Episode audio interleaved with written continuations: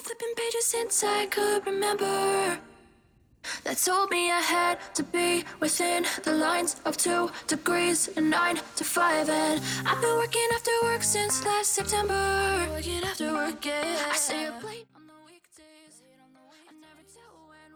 Welcome to IPO, Yes Orang Podcast. Episode kali ini adalah episode spesial, di mana kita bakal ngadain sharing session bareng Ring 1 YSP Semarang. Apa itu Ring 1? Ring 1 diisi oleh jajaran BPH dan para kadif YSP Semarang. Ya, kurang lebih bisa disebut kalau Ring 1 adalah orang-orang yang jaga YSP Semarang keep on the track. Emangnya pernah YSP Semarang out, out of the track? Ya, kepo ya. Oke, langsung aja. Ring 1, welcome to the room. Halo. Halo, halo, good evening. Halo, aduh. Hai. Ada nih yang lain. Oke. Ada. Oke, ini kita udah kedatangan para kadif ya. Kadif CM, SMPR, ada Bunda Hara juga, Bunda. Mungkin boleh dong. Oke, yang pertama eh, mungkin boleh kenalan dulu kali ya sama lain. Alia, boleh kenalin diri kamu ke audiens. Oke, kenalin. Eh, nama aku Aldiva Aninda. Di sini sebagai Kadif Public Relation. What else? Kamu mahasiswa dari mana? Atau sekarang kesibukannya apa? Hobinya ngapain? Apa hal yang kamu gak suka? Yes. Sekarang masih kuliah sama aku ngembangin usaha aku terus ngajar juga Hmm? untuk hobi baca sama berkuda sih udah gitu aja Oke. sama Membaca sa- belajar Oke, belajar berkuda sambil membaca buku. Oke, itu keunikannya Oh. dari Alia gitu. Oke, next kita bakal lanjut ke kadus satunya. Ke Rehan boleh? Silakan Rehan. Hola, hola, selamat malam Chief Kupai. Selamat malam rekan-rekan ISP sekalian. Malam. How are you today? Perkenalkan, uh, today uh, I'm feeling good. Oke, good. Silakan Rehan boleh kenalan barangkali menemukan jodohnya nanti kan di audiens. Oke, Uh, jadi perkenalkan nama aku Rehan Falila Hasan. Di sini di ISP ini aku diamanahi sebagai Kepala Divisi Sosial Movement di ISP Semarang untuk periode 2021. Kurang lebih begitu Mas Kurnia. Oke, hobinya Rehan? Baca atau yang lain? Kalau lagi ada duit gitu ya, Hmm? mungkin renang renang, atau oke. main golf. Tapi Oh, dengan yes. sih baru. Masih masih jelek, masih jelek. Nggak apa-apa. Karena emang ini, practice make perfect gitu kan. Katanya sih begitu ya, tapi kalau praktis terus duitnya jebol, Pak.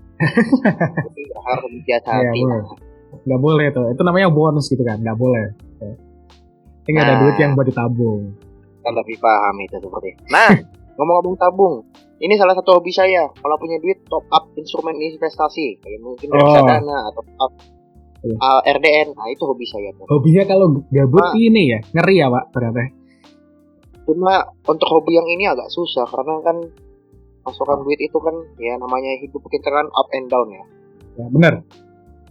Nah, jadi ya mohon dimudah didoakan aja biar profesi sebagai investor ini bisa berjalan dengan mulus ya ke depan. Amin. Oke, makasih banyak buat Rehan tadi perkenalannya. Sekarang boleh uh, lanjut ke Ilham. Halo Ilham. Halo Mas Kupai, selamat malam teman-teman semua. Malam. Gimana Ilham? Ada apa ini malam-malam? Hah? Ada Ya. apa ini malam-malam di sini? Kan kita ngobrol-ngobrol aja lah. Biasa. Misalnya kan kita jarang nih ngobrol-ngobrol nih. Sekarang nih audiens tuh banyak yang pengen lihat kita kalau ngobrol gimana gitu. Menurut Ilham gimana nih? Mungkin boleh kenalan atau gimana? Mungkin Oke. Ya. Kenalan dulu ya, teman-teman. Nama saya Muhammad Ilham Afandi. Biasa dipanggil Ilham. Itu saya statusnya mahasiswa di Politeknik Negeri Semarang. Eh, ikut merek apa deh. Eh, saya sekarang sibukannya nggak sibuk-sibuk banget, nggak ada kesibukan. Terus hobinya adalah apa ya bisa ya? Yang pertama mungkin nggak beda-beda jauh sama Mas Rehan tadi sih. Ya mungkin instrumen investasi tadi ya, investasi yang pertama hobinya. Terus Oke. olahraga seperti sepak Golf. bola. Oh, kukira golf. Bukan. Di sini nggak ada lapangan golf, Pak. Oh, iya. Terus apa ya? Eh, sepak bola, badminton. Dan itu aja sih. Dan mencintainya.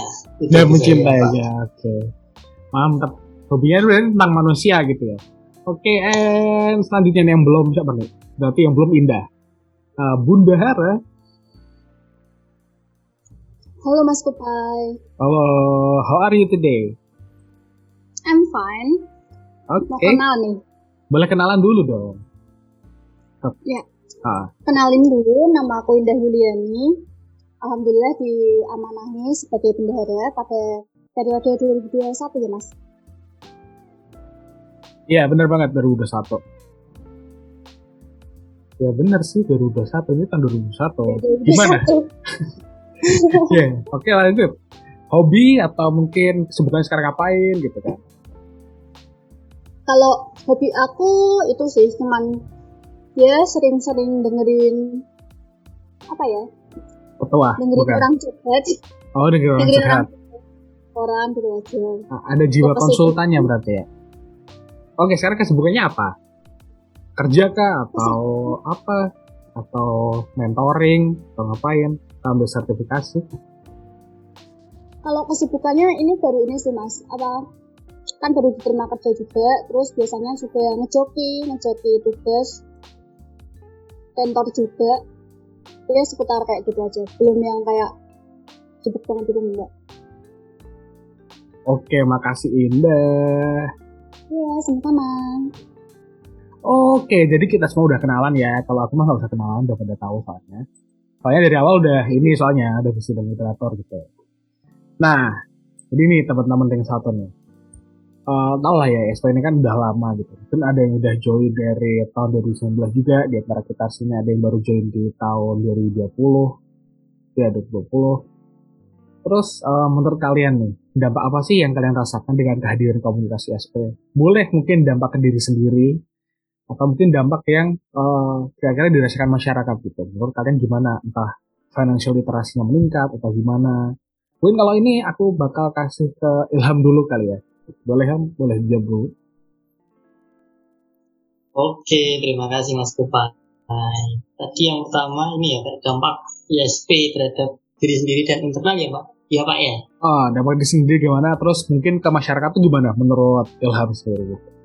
Oke, kalau dari pertama ya dampak diri sendiri ini pasti memiliki dampak yang positif ya, karena kan ini kan movement tentang pasar modal dan sebagai milenial ini memang harus melek pasar modal. Jadi saya sendiri eh, merasakan bahwa ini adalah eh, wadah untuk edukasi atau wadah untuk diskusi tentang pasar modal yang tadi dikatakan on the track dan benar lah menurut saya itu untuk saya pribadi. Jadi saya memiliki tempat untuk belajar, menggali ilmu dan ya lain-lain lah tentang modal. Jadi saya tahu gitu lah.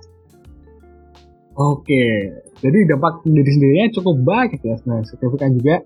Kalau menurut Ilham nih, dampak ke masyarakatnya gimana dengan adanya SP? Atau mungkin lebih bantu literasi atau ternyata nggak ada dampaknya?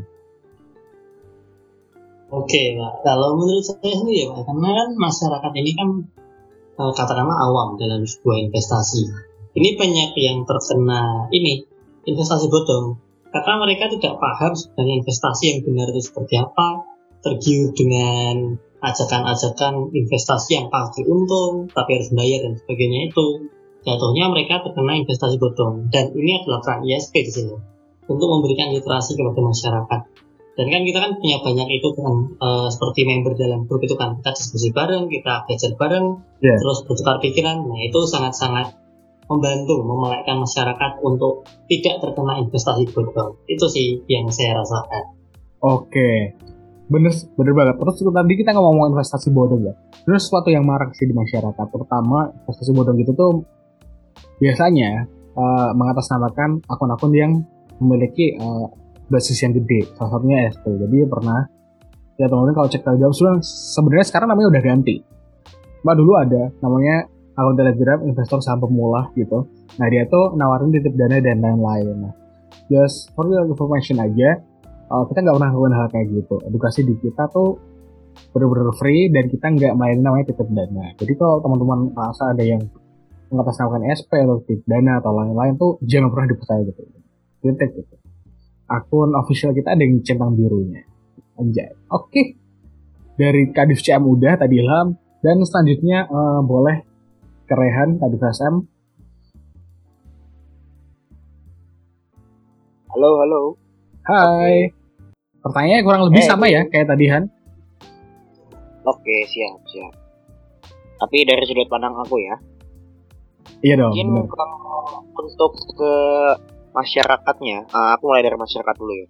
Karena aku kan diamanahi untuk di divisi sosial movement. Jadi kalau ke masyarakatnya sendiri, aku merasa dari beberapa acara yang kami buat, mereka tuh jadi lebih interest untuk eh, bel- membuka akun saham di mana itu adalah suatu awalan yang baik untuk mereka bisa lebih open minded terhadap dunia investasi dengan langsung praktek. Jadi nggak cuma kayak denger oh itu investasi bodong atau investasi itu haram. Jadi di acara-acara yang diselenggarakan di SP itu mereka juga belajar bagaimana investasi yang baik.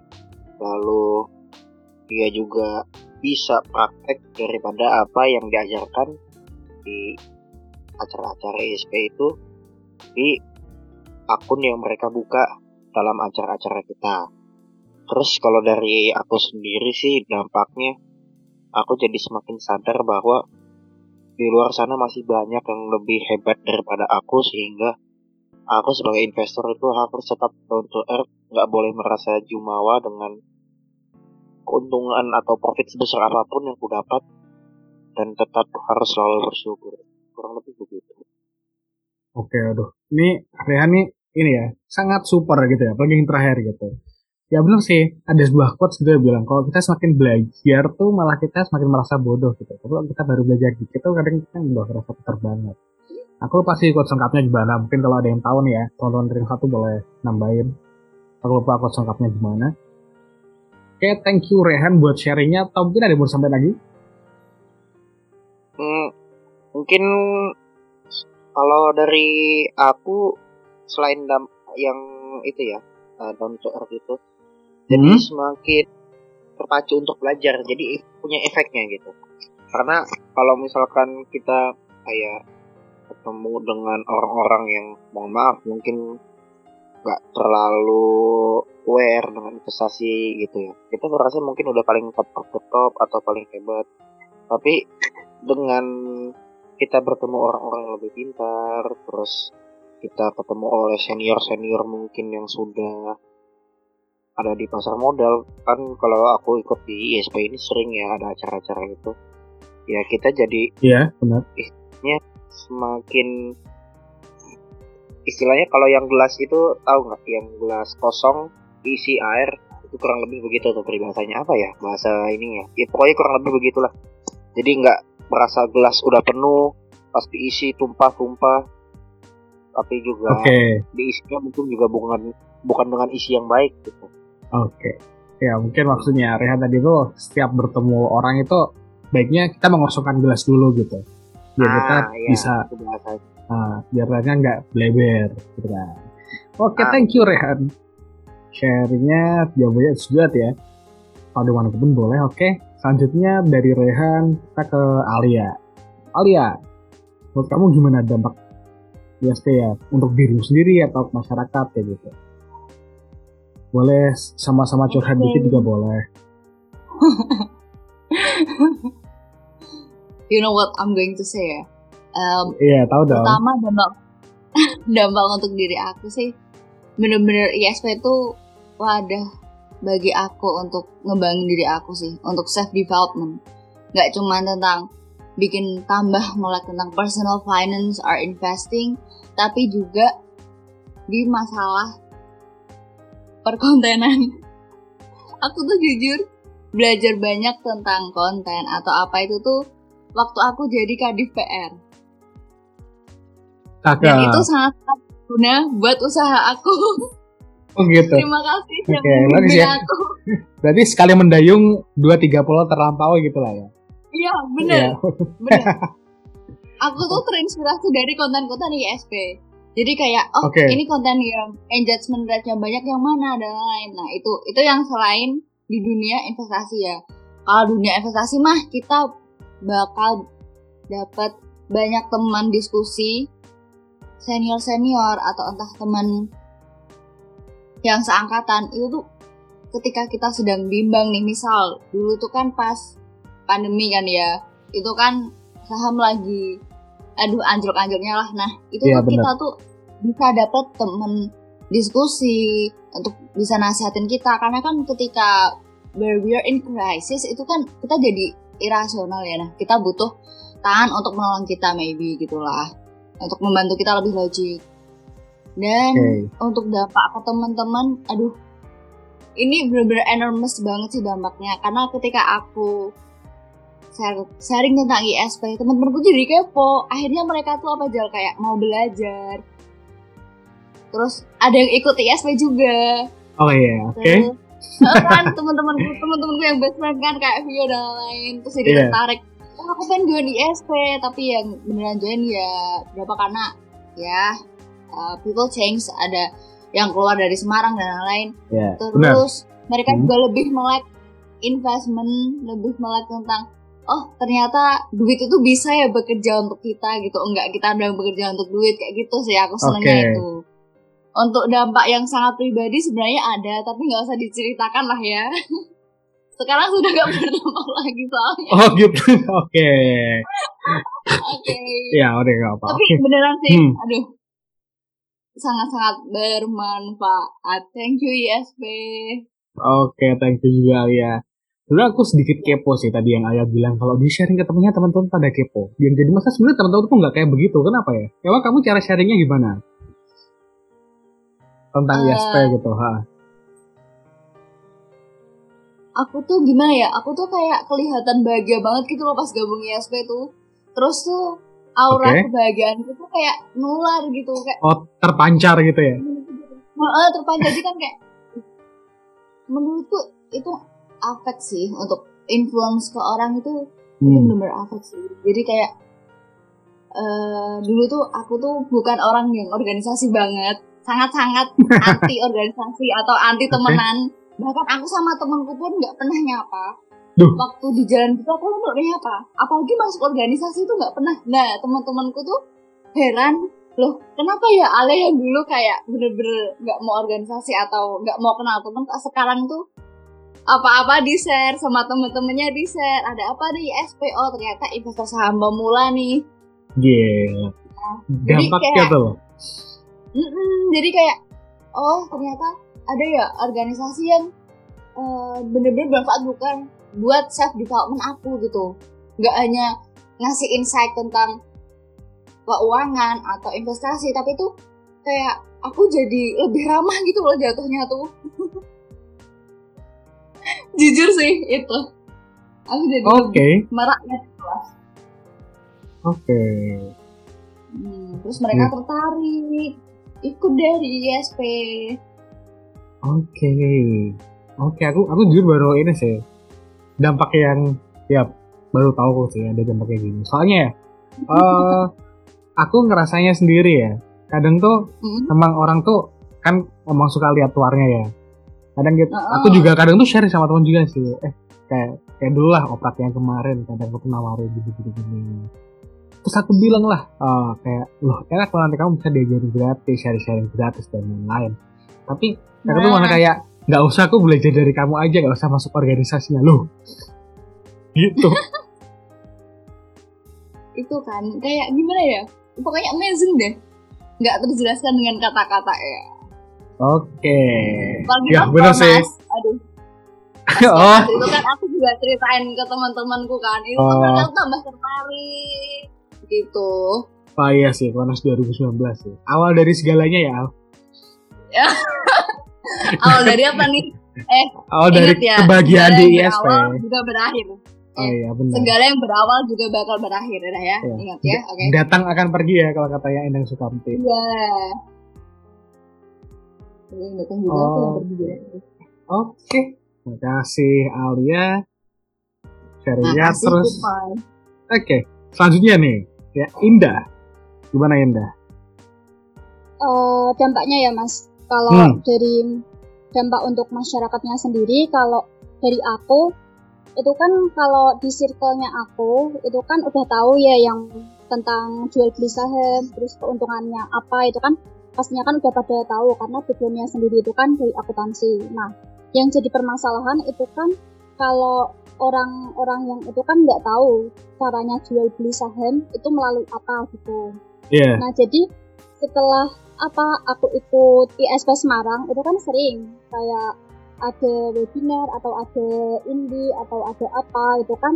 Nanti kan ada open account itu yang gratis dari apa dari sekuritas apa itu nah itu kan jadi kayak teman-teman itu pada yang langsung ngechat terus kayak ajarin ajarin ajarin gitu Oh, iya. apalagi kalau semisal akunya bikin story yang ijo-ijo yang untung-untung Oh. kayak berapa persen, gitu Iya. itu kan langsung kayak pada itu loh pada kayak wah pengen juga pengen belajar juga gitu nah cuman ya itu tadi juga harus ngasih tahu resikonya karena ya kalau semisal hack risk hack return. Jadi kan gitu Hmm, benar. terus kalau yang dampak untuk pribadi kayak lebih jadi hemat aja sih. Jadi daripada buat beli baju buat beli apa make up itu kadang kayak suka merasa wah kalau baju nih semisal harganya 250 nah itu aku udah dapet satu lot saham apa gitu. Jadi kayak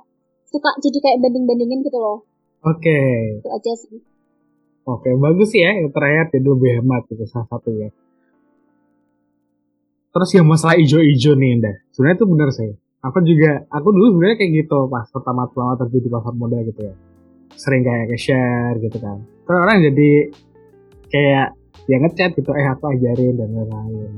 Nah, tapi kamu pernah gak sih dah teman kamu tuh eh mintanya tuh bukan diajarin buat belajar, tapi diajarin kayak kamu kalau beli saham ini dong aku dikasih tahu gitu sahamnya apa gitu pernah nggak?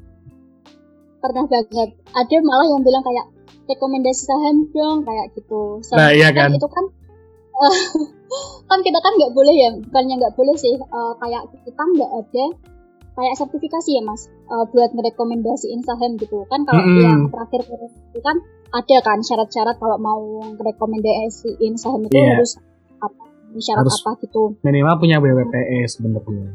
Ya, terus sama itu kan uang ya mas. Jadi kan kayak resikonya kan tinggi.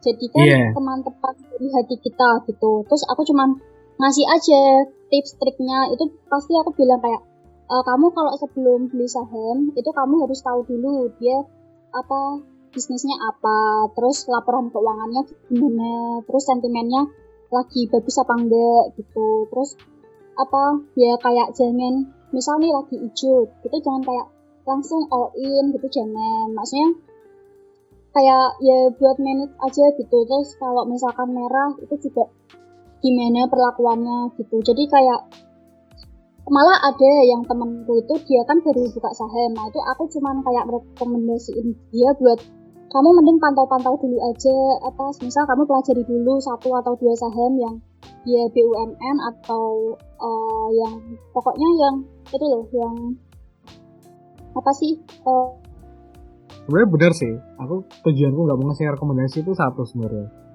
Satu, kalau orang itu cuan tuh aku nggak dikasih duit. Kalau dia cuan kan nggak duit. Tapi kalau dia rugi, dia tuh pasti ngomel-ngomel nanti. Dan aku pernah Iya, ngerasain betul. itu.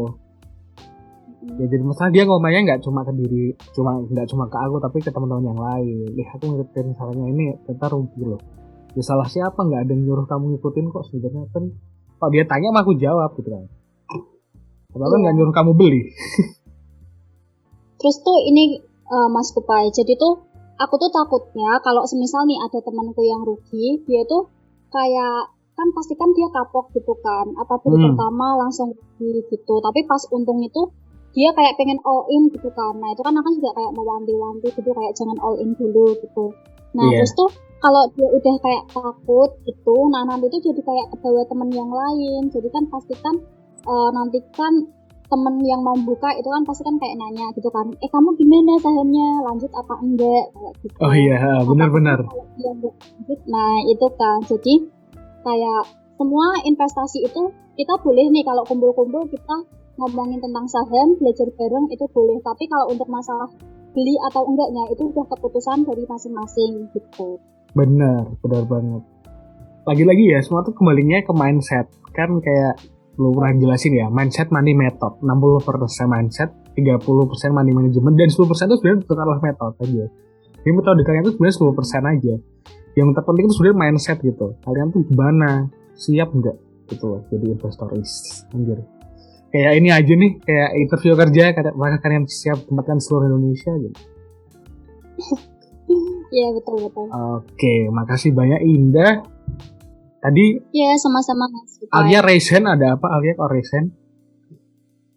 Enggak, aku tuh ternyata kayak nggak ngerasa sendiri gitu loh. Karena aku juga kayak kalian ketika orang-orang tanya rekomendasi atau suruh ngajarin, aku juga nggak mau. Ya Allah belajar sendiri lah, enak aja gitu. Iya. Karena menurutku, ya biar kalau aku bener atau salah ya nggak kalau aku salah, misal sahamnya tuh ya nggak nyalain aku gitu loh. Dan mereka tuh Iya. biar bisa mandiri. Ya, kan benar, saham kan tanggung jawab kita sendiri ya, enggak sih? benar, benar sih. Berarti aku Bener nggak salah gitu loh.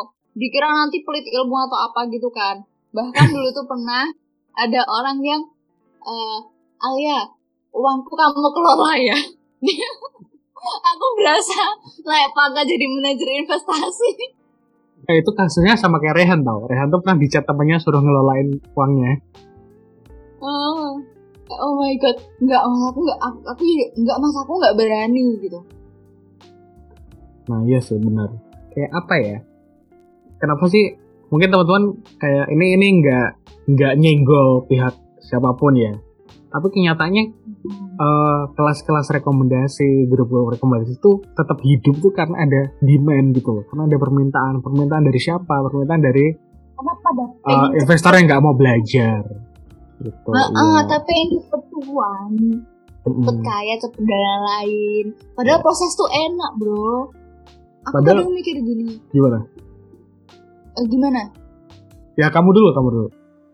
Menurutku ya, uang yang aku hasilkan dari kerja keras itu tuh kayak lebih, aku tuh lebih bersyukur sama uang itu dulu daripada uang yang aku dapatkan tanpa aku harus ngapa-ngapain gitu. Makanya aku sekarang tuh kayak nggak begitu terlalu eh, fokus atau urusin yang investasi itu.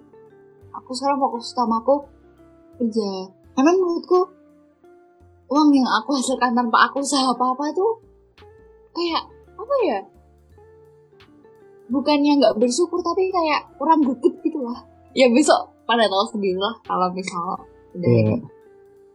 Boleh nambahin nggak mas? Boleh, masuk. Eh, ini aku ada sedikit tanggapan. Kalau semisalkan aku nih, aku pribadi dapat uang tanpa usaha, tetap sih aku senang-senang aja. Siapa coba yang nggak suka duit gitu.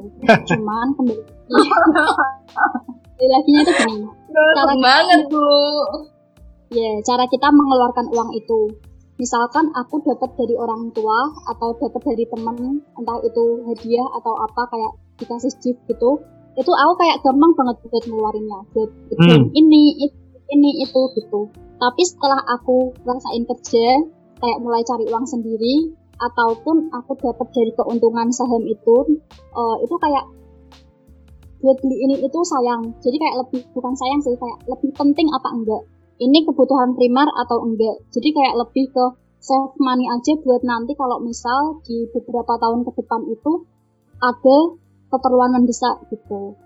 Hmm, lebih ke menetapkan skala prioritas lah ya. Kalau dulu tuh kayaknya semua barang Iya. primer deh. gitu kan. Kalau kalau cewek kan gitu nggak sih? Eh ini lucu beli ah gitu. Iya bener. Dulu tuh kayak gitu. Aku pas zaman jahiliyah tuh kayak gitu. Zaman jahiliyah dong. Belum. Eh, Oke. Oke mungkin ada mau nanggepin lagi? Tuh. Kalau aku sih eh tadi ada singgung sempat ada motif ya. Ah, Alhamdulillahnya sampai sekarang nggak jadi. Jadi batinku lebih tenang. oke aman, aman dong ya. Financial freedom itu ya setiap orang punya langkahnya masing-masing. Kayak ibaratnya ini aja, lu uh, bangun keluarga kan nggak mungkin lu suruh orang jaga bini lu atau jaga suami lu ntar bisa-bisa direbut itu suami atau istri lu gitu Ya. aja sih Analogi yang bagus sih sebenarnya. jadi untuk mencapai financial freedom menuju investasi ya sepertinya eh, ya sama kayak lika-liku dalam rumah tangga gitu misalkan lu Hmm. pengen rumah tangga lu supaya harmonis. Ya setiap orang punya cara sendiri. Tapi bukan berarti nyuruh orang ngelola itu sama aja analoginya. Lu malas sama istri lu atau sama suami lu. Lu nyuruh orang lain yang berhubungan tapi yang enak-enaknya lu yang dapet. Iya, betul. susah juga. Oke, it's a different perspective tapi bagus ya. Ya analogi aja sih. Analogi. kalau emang belum siap contoh kayak pernikahan belum siap kan bisa tidak memulai lah kalau investasi belum siap mau belum memulai mau belajar dulu ya silahkan mungkin orang ada yang cara belajar dengan praktek langsung atau eh, mengetahui teorinya dulu ya itu disesuaikan saja dengan kemampuan masing-masing kurang lebih gitu Oke, thank you Rehan. Oke, jadi segala sesuatu yang isi kam itu biasanya isi go. Kayak gitu. Mungkin ada orang yang bahas kayak eh ya tadi ada yang bilang kalau uang hasil kerja keras dan uang hasil dikasih tuh pasti beda dan lain-lain. Ada orang yang pengen kecualian cepet. Terus tapi ingat isi kam isi go. Sesuatu yang gampang kamu dapat pasti bakal juga cepat juga lepas kayak gitu. Oke, kita lanjut ke pertanyaan selanjutnya. Tadi kita udah bahas tentang dampak yang dirasakan oleh para ring satu ya tentang kehadiran komunitas ISP. Nah, sekarang pertanyaan selanjutnya nih. Apakah dampak yang diberikan ISP itu sudah sesuai dengan ekspektasi kalian? Mungkin boleh dijawab dulu dari siapa ya? Dari Rehan deh boleh. Oke, jadi kalau dari dampak gitu ya, eh, mungkin kalau dari aku sendiri kan tadi sudah mulai merasakan ya eh, dampaknya kayak harus lebih belajar lebih dalam gitu. Tapi kalau untuk ke masyarakat, jujur kayaknya memang perlu kita tuh harus menerima kenyataan bahwa di Indonesia itu literasi keuangan tuh masih sangat-sangat diperlukan karena mungkin masih banyak masyarakat di luar sana yang mohon maaf mungkin masih menganggap sebelah mata uh, mengenai pencerdasan keuangan ini. Ya, aku nggak bisa menyalahkan mereka juga sih karena kan ya bisa jadi memang habit atau budayanya sejak kecil. Ya memang dia untuk keuangan kayak tabu gitu kan pembahasan contoh Hmm, simpelnya gitu hmm. ya.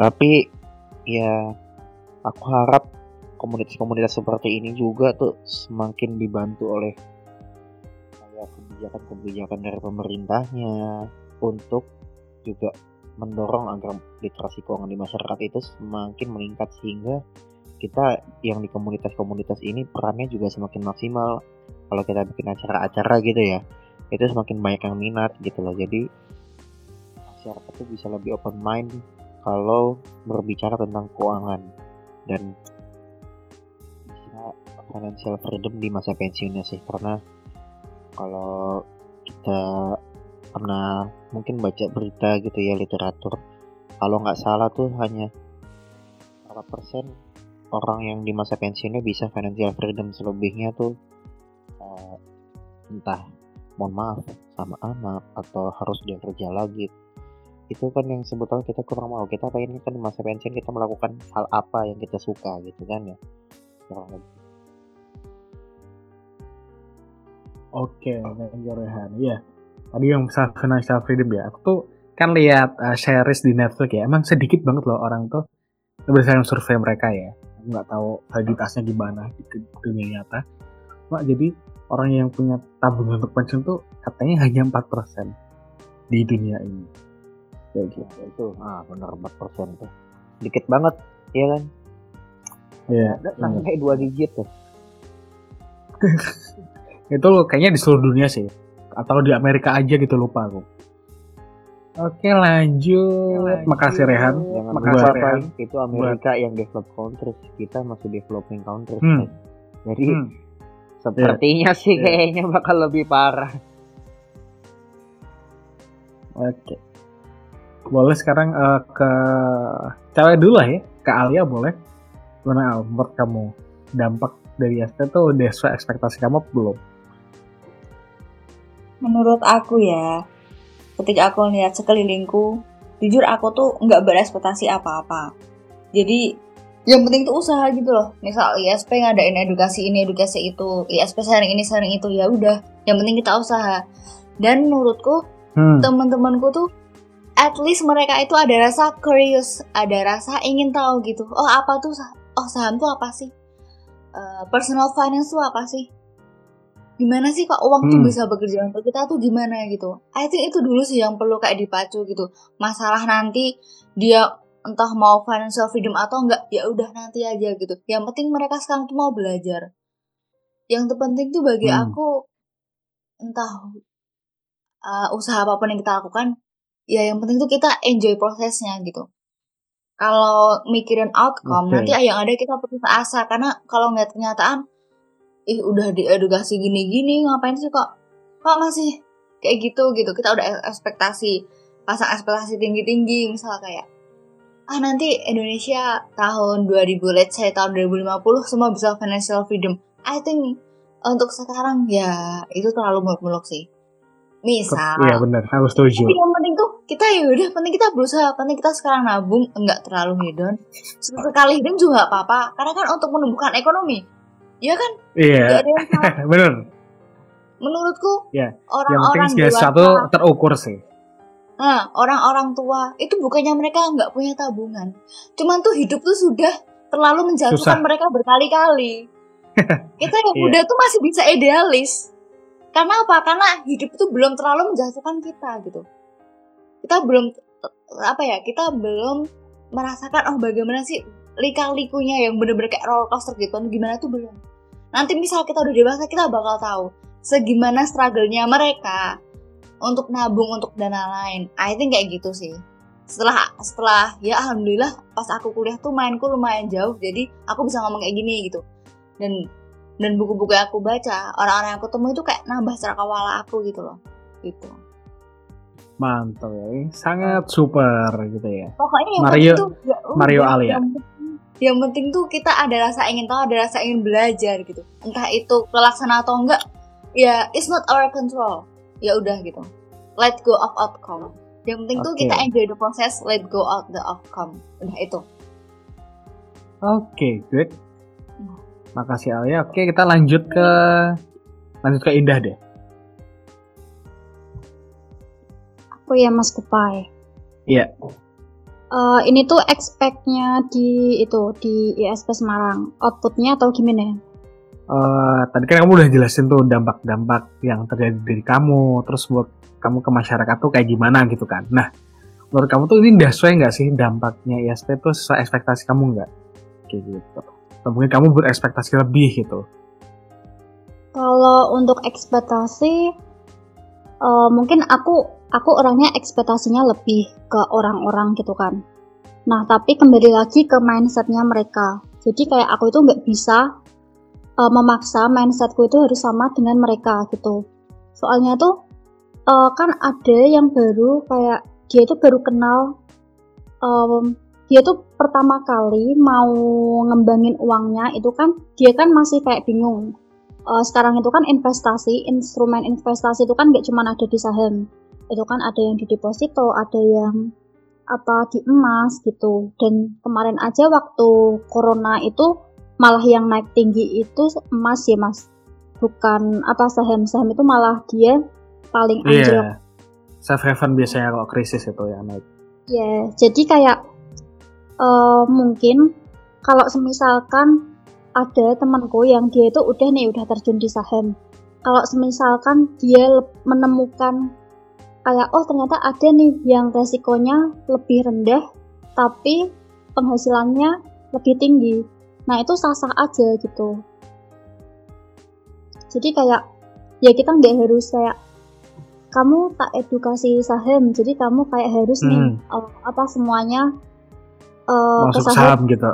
Ya, Iya, itu benar. enggak. Jadi kayak diversifikasi apa instrumen investasi itu juga perlu gitu. Hmm. Ya bener sih apa yang dikata Indah karena emang nggak semuanya cocok ya di saham kan tergantung profil risiko masing-masing Iya. mungkin dia moderat tuh agresif mungkin cocok tapi kalau dia yang baru turun 5% udah ditekan tuh nggak nggak mungkin cocok sih daripada Nah. dia kesehatan jantungnya di Ya. terdepresiasi Tipe-tipe gitu itu- kan mending ke aset yang lain tipe belajarnya pun juga beda-beda ya mas kan kalau ada nih Ah. eh, pertanyaan niatnya dia mau investasi jangka panjang Eh, aku inilah mau investasi jangka panjang gitu nah kalau saham itu kan bisa dibuka di mana aja kapan aja gitu kan. Wah naik nih. Dia udah kepikirannya nggak jangka panjang lah udah untung jual aja kayak gitu. Terus kan lama kelamaan kan dia mau nih belajar lebih tentang oh jual beli saham aja kalau gitu gitu. Terus nanti kalau udah turun berapa persen itu dia udah down. Kayak udah mulai nyalahin saham itu kayak gini kayak gini kayak gini gitu.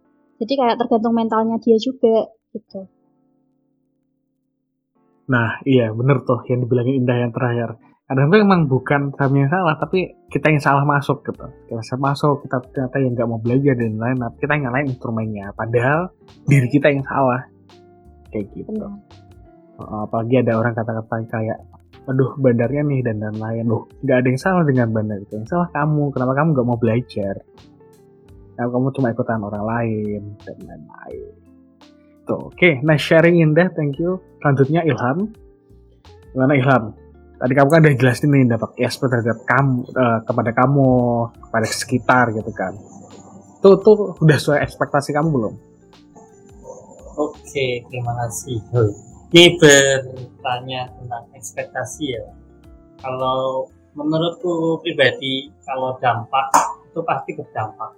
Karena ISP ini adalah memiliki pergerakan yang nyata yang jelas buat masyarakat. Cuman kalau kita bicara ekspektasi ini adalah halnya subjektif ya. Ada orang yang bilang ini kurang, ini lebih, dan sebagainya. Itu memang masing-masing. Cuman kalau aku pribadi, seperti yang dikatakan oleh Raihan tadi, sebenarnya Hmm. memang literasi keuangan di masyarakat kita itu memang sangat-sangat kurang. Nah, ini adanya ISP ini mencoba mendekatkan diri kepada masyarakat ini yang belum memiliki literasi ke pasar modal. Tapi tidak sepenuhnya masyarakat juga menerima. Nah, ini jadi kayak masyarakat mau datang atau kita yang mau datang itu kadang ada gap gitu. Jadi antara mereka kita datang Hmm. mereka belum tentu, tentu terima, mereka juga belum tentu mau datang ke, untuk belajar. Ini memang Nah, iya. ya situlah Iya. ekspektasi ekspektasinya itu tidak bisa berlebihan. Ya kita tetap Iya. Akan berdampak tapi jangan berekspektasi berlebihan karena kita tidak tahu bagaimana respon masyarakat ke depan. Itu sih menurut saya, Pak. Oke, thank you Ilham dan thank you satu tadi sharing. Menurutku juga sih, nah ekspektasi. Eh, suatu kecewaan kita ya, kadang kita tuh udah bikin acara juga, terus udah bikin materi yang sebegitu baik gitu ya. Tapi respon masyarakat kurang positif gitu, mungkin datang mas dikit kayak gitu. Karena emang gimana ya, kita emang nggak bisa memaksakan kehendak orang lain sih. Itu satu poin yang aku ambil dari pelajaran hidup. Kita nggak bisa berpikir ah, meminta orang lain untuk berpikir sama kayak kita berpikir gitu. Karena orang lain punya kepentingan berbeda, mungkin jalan hidupnya sudah berbeda, atau mungkin ada suatu eh, peristiwa hidup yang bikin mereka itu mungkin ya trauma. Who gitu. Di pandemi kemarin mereka ikutan pom orang, terus taunya salah gitu kan. Banyak kok kasusnya gitu kan. Terus kayaknya mereka nggak mau belajar lagi. Apa ya bahasa Jawa tuh mutung gitu. Nah. Ya gitu. Oke kita kita cepet aja ya kita masuk last session soalnya nih baterainya udah tinggal dikit ya. Akhirnya hari ini cerah ternyata gelap karena mati lampu. Terima kasih BUMN gitu. Oke, kita bahas paling terakhir nih. Tadi kita udah bahas dampak, kita bahas ekspektasi dan lain-lain. Dan berarti terakhir kita tuh bahas harapan kita dong buat ke depannya untuk investor pemula atau mungkin untuk pasar modal Indonesia. Mungkin dari teman-teman siapa dulu yang mau ngomong? Boleh Rehan, Indah, Alia, Ilham tentang ekspektasi eh sorry harapan kalian ke depannya untuk ke depannya untuk investor pemula. investor pemula. Halo. Oke masuk Oke. Eh, berbicara mengenai ekspektasi ya. Ekspektasi ekspektasinya sih lebih berharap orang-orang Indonesia tuh bisa lebih aware dan lebih menyadari sejak dini tentang pentingnya financial management. Jadi ada uang tuh bukan hanya istilahnya kayak numpang lewat habis gitu aja tapi ya mungkin kalau nggak lalu ya udahlah ya kan berlalu. Tapi ini PR untuk generasi muda uh, semoga harapannya kita bisa lebih mengontrol ke depannya apa yang akan kita lakukan dengan keuangan kita agar tidak sampai lewat daripada daripada batas kemampuan kita. Karena mungkin kalau rekan-rekan lihat sekarang ya banyak orang-orang ditagih pinjol segala macam. Itu memang banyak yang ya memang nggak semua sih tapi ada yang kasusnya tuh mereka punya hutang tapi hutang konsumtif kayak hutang untuk demi gengsinya gayanya gitu. Nah ini yang aku maksud uh, hidup di atas kemampuan. Jadi harapannya hal-hal seperti ini ke depannya bisa lebih ditekan dan kita punya mindset yang lebih produktif gimana caranya beruang yang uang yang kita miliki itu bisa lebih digunakan untuk hal-hal produktif misalkan investasi atau bisnis yang nantinya bisa menambah income dan income itu bisa sesuai dengan gaya hidup kita. Begitu. Oke, okay, thank you Rehan. Good juga atasnya terhadap financial literasi gitu masyarakat gitu ya. Selanjutnya, Selanjutnya uh, uh, boleh ke Indah. Uh, harapan aku untuk ISP Semarang ke depan, semoga aja nanti yang ikut ISP Semarang, yang ikut sebagai pengurus ataupun yang ikut edukasi, uh, apa pun yang berkaitan dengan ISP Semarang, semoga terbebas dari finansial untuk ke depannya semakin apa ya? Oh ya penting matang aja belajar di sahamnya. Terus ada hasil yang itu loh hasilnya itu jadi bagus buat nanti ke depannya hmm, udah itu aja sih mas. Oke okay, thank you Indah. Yeah. next uh, Ilham boleh harapan Ilham buat investor ke depannya gimana? Atau mungkin buat pasar Indonesia boleh Oke, mungkin kalau dari saya sendiri ya, uh, bicara sedikit atau pengalaman sedikit itu ada yang orang awalnya awam dengan pasar modal saham itu mereka ingin belajar. Dan saat mereka sudah mengenal tuh mereka bilang oh ini sangat menguntungkan. Artinya kalau ada orang yang nggak kenal ini tuh sangat-sangat merugi sekali dia. Tapi ada juga yang sudah kenal itu malah mereka nggak mau belajar lebih ke mental shortcut ya pengen instan-instan saja gitu. Kena pom pom rugi terus kapok ngomongin lagi. Nah harapan saya di pasar model ini investor-investor pemula ini lebih aware dan tidak uh, memiliki mental shortcut lah misalnya jadi hanya jalan pintas pom-poman yang untungnya bagaimana. Tapi mereka memiliki proses yang baik tentang belajar investasi tersebut jadi mereka akan menjadi investor yang mapan, majur depannya dan semakin banyak lagi investor-investor saham di Indonesia. Jadi kita akan menjadi negara investor yang uh, maju lah dan memiliki ekonomi yang kuat. Begitu Pak. Oke, okay, good. Terima kasih banyak Ilham. Dan next terakhir ini Alia, boleh sampaikan Al harapan kamu untuk investor pemula di Indonesia. Oke, okay, harapan aku untuk semuanya itu para investor dan semuanya itu untuk tetap belajar apa pun yang terjadi. Begitu aja sih. Because at some point you'll fail gitu. At some points in your life you will fail. Kamu tuh akan gagal. Cuman masalah kapan aja.